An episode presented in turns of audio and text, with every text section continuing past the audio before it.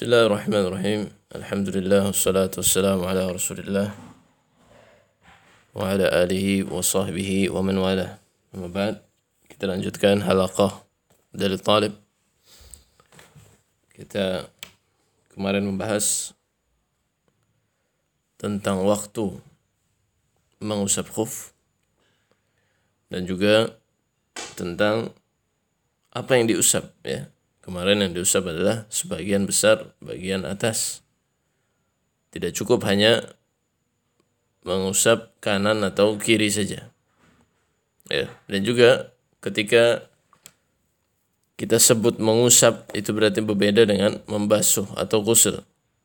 Ya, al-mashu mengusap berbeda dengan gusul. Kalau gusul masih sama airnya, ada airnya mengalir. Tapi kalau mengusap, airnya diambil lalu dibuang airnya, ya tangan yang masih basah itulah yang dipakai untuk mengusap ya. Nah sekarang uh, kapan orang batasnya apa mengusap khuf ya? Pernah ada permasalahan uh, yang sering disebut dengan pembatal-pembatal mengusap khuf. Dalam artian kalau hal-hal ini terjadi maka dia tidak boleh mengusap khuf lagi. Kalau hal-hal ini terjadi, maka dia tidak boleh mengusap khuf lagi, ya. Lalu selain tidak boleh mengusap khuf, wuduknya juga batal.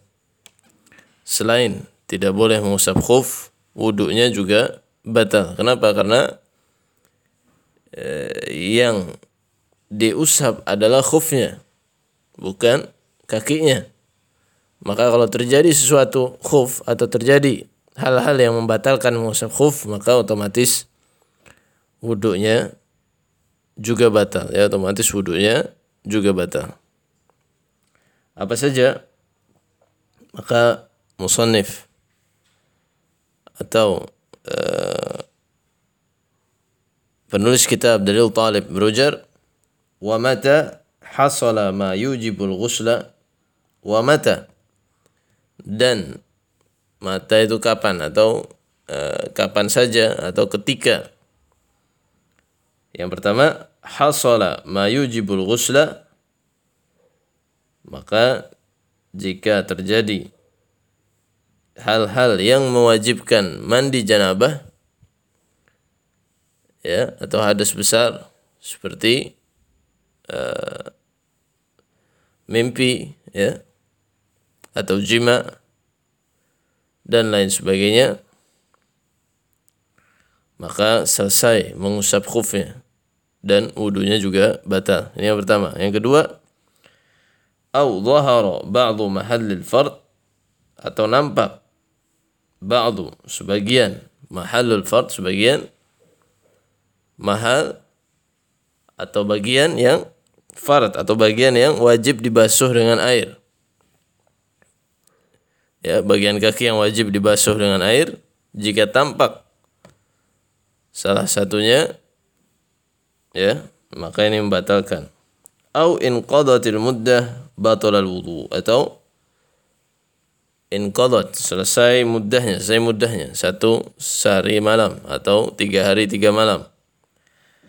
Maka tiga hal tadi yang pertama tadi terjadinya apa? Uh, penyebab mandi janabah. Yang uh, penyebab apa? Wajibnya mandi besar. Yang kedua, tampak sebagian ya dari mahallul fard atau dari kaki yang ya bagian kaki yang harus dibasuh ketika wudhu dan yang ketiga inqaddatil muddah selesai muddahnya atau waktu batas mengusap khuf ya yaitu sehari semalam bagi mukim tiga hari tiga malam bagi musafir maka apa hasilnya disebutkan di sini? Batolal wudu'u. Wudunya batal. Wudunya apa? Batal. Jadi tidak hanya mengusapnya selesai wudunya pun batal ya. Nah, mari kita bahas satu persatu. Yang pertama tadi hasola ma yujibul ghusla terjadi apa yang menyebabkan mandi besar. Ya.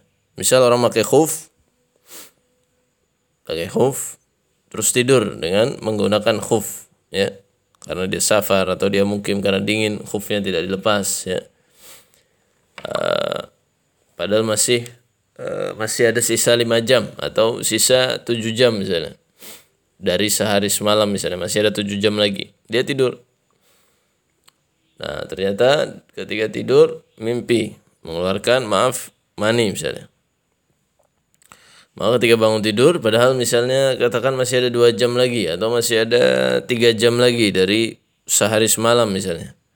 Tapi karena dia melakukan sesuatu yang mewajibkan mandi besar, yaitu mimpi, maka selesailah mengusapnya. Dia harus mandi janabah, ya harus mengusap apa? Khufnya harus dilepas, mandi janabah.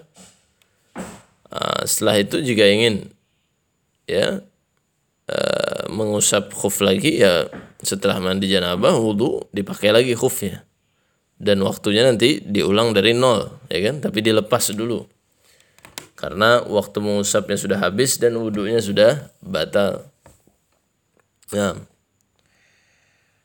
yang kedua zahara ba'du mahalil fard. Nampak sebagian dari yang mestinya ditutup ya kan? Kaki yang mesti ditutup yaitu bagian apa? Dari telapak uh, dari jari kaki sampai mata kaki itu harusnya ditutup semua. Ada salah satu bagian yang nampak entah karena copot ya. Misalnya jalan copot kaki kirinya kelihatan misalnya. Atau robek misalnya di jalan robek sehingga ada bagian yang kelihatan meskipun sedikit.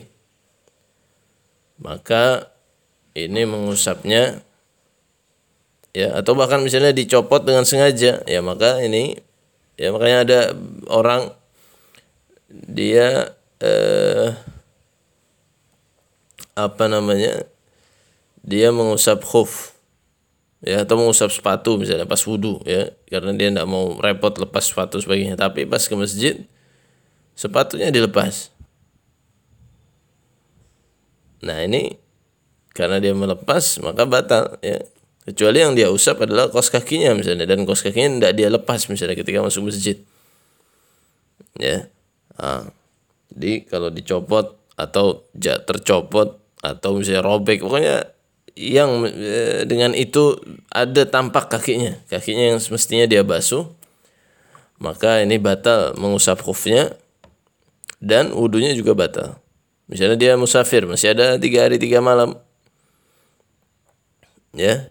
Atau misalnya uh, sudah uh, dua hari sudah lewat tinggal masih ada sehari lagi. Tapi uh, waktu itu dia gatal sekali misalnya.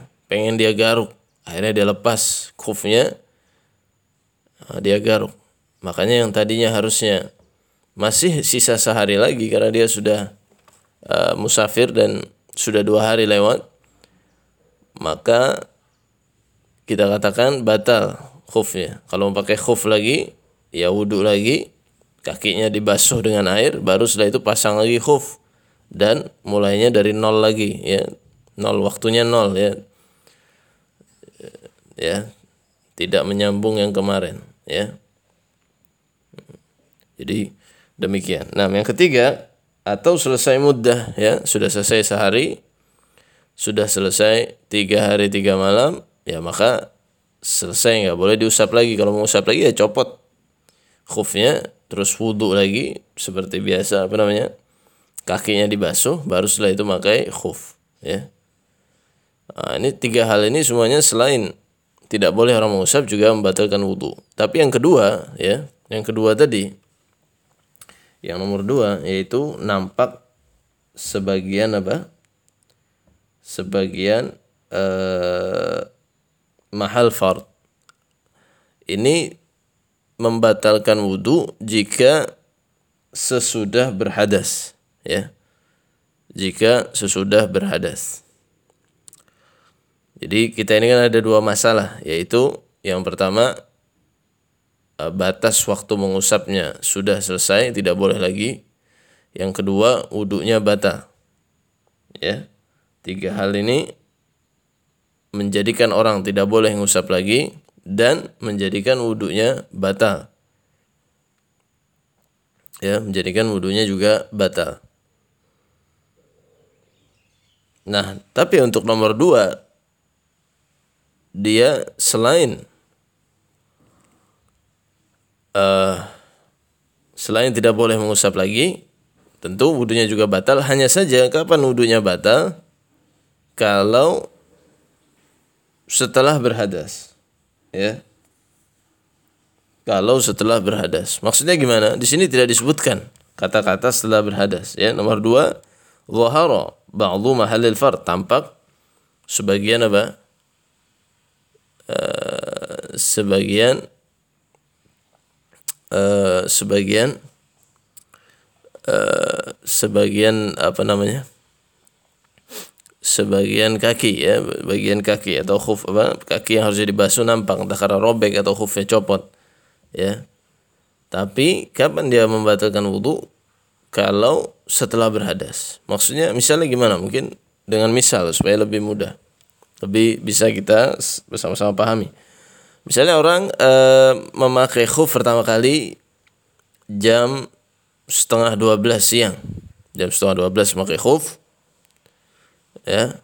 E, sebelum memakai khuf tentu dia berwudu ya kan? Karena syarat memakai khuf adalah dalam keadaan suci dia berwudu dulu kakinya sebelum pakai khuf di tentunya disiram dengan air ya digusel ya digosel dibasuh dengan air sudah selesai ya.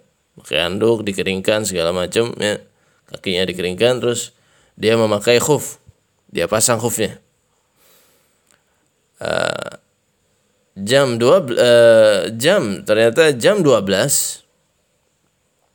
dari jam setengah 12 tadi pakai khufnya jam berapa? Setengah 12 dari jam setengah 12 sampai jam 12 ternyata tidak ada hadas yang keluar. Tidak ada hadas yang keluar. Ya. Nah namun di jam 12 ternyata tidak sengaja uh, khufnya copot. Jam 12 khufnya copot. Ya jam 12 khufnya copot lalu jam 12 lewat 10 azan zuhur. Dia sholat zuhur. Nah pertanyaannya karena khufnya copot apakah dia ketika azan zuhur harus wudhu lagi? Ya jawabannya tidak. Kenapa? Karena khufnya copot sebelum dia berhadas. Ya dia pakai jam setengah 12 dari jam setengah 12 sampai jam 12 tidak berhadas. Baru jam 12 uh, jam 12 ternyata khufnya copot dan dia masih dalam keadaan suci, tidak berhadas. Jam 12 sampai 10 dia sholat misalnya. Maka ketika sholat ini tidak perlu wudhu lagi karena wudhunya masih ada. Karena wudhunya tidak batal.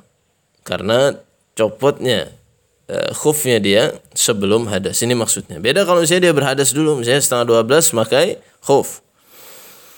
Uh, setengah 12 pakai khuf. Jam 12 kurang 15 buang angin. Jam 12 kurang 15 buang angin. Jam 12 khufnya copot. Nah, maka lalu jam 12 lewat 10 azan zuhur. Maka kalau dia mau sholat di jam 12 lewat 10 dia harus wudhu lagi. Ya. Harus dibasuh lagi kakinya. Kenapa? Karena jam 12 kurang 15 tadi sudah sempat berhadas ya kan? Sudah sempat berhadas yang hadas yang pertama kali setelah memakai khuf ya. Hadas yang pertama kali setelah memakai khuf. Ya maka maksud tiga hari tiga malam malam ini maksudnya khufnya dipakai terus nggak dicopot ya. Bukan maksudnya pakai copot pakai copot enggak ya. Mungkin demikian uh, insyaallah tentang jabirah atau perban dan sebagainya akan kita bahas besok ya. Mudah-mudahan hari Sabtu kita bisa live Zoom ya untuk membaca fatwa-fatwa Lajnah Daimah ya, mungkin jam 8 insyaallah ya jam 8 malam. Jam 8 malam waktu Indonesia Barat ya, waktu Cilengsi. Nah, naktafi bi qadar wassalatu wassalamu ala nabiyina Muhammad.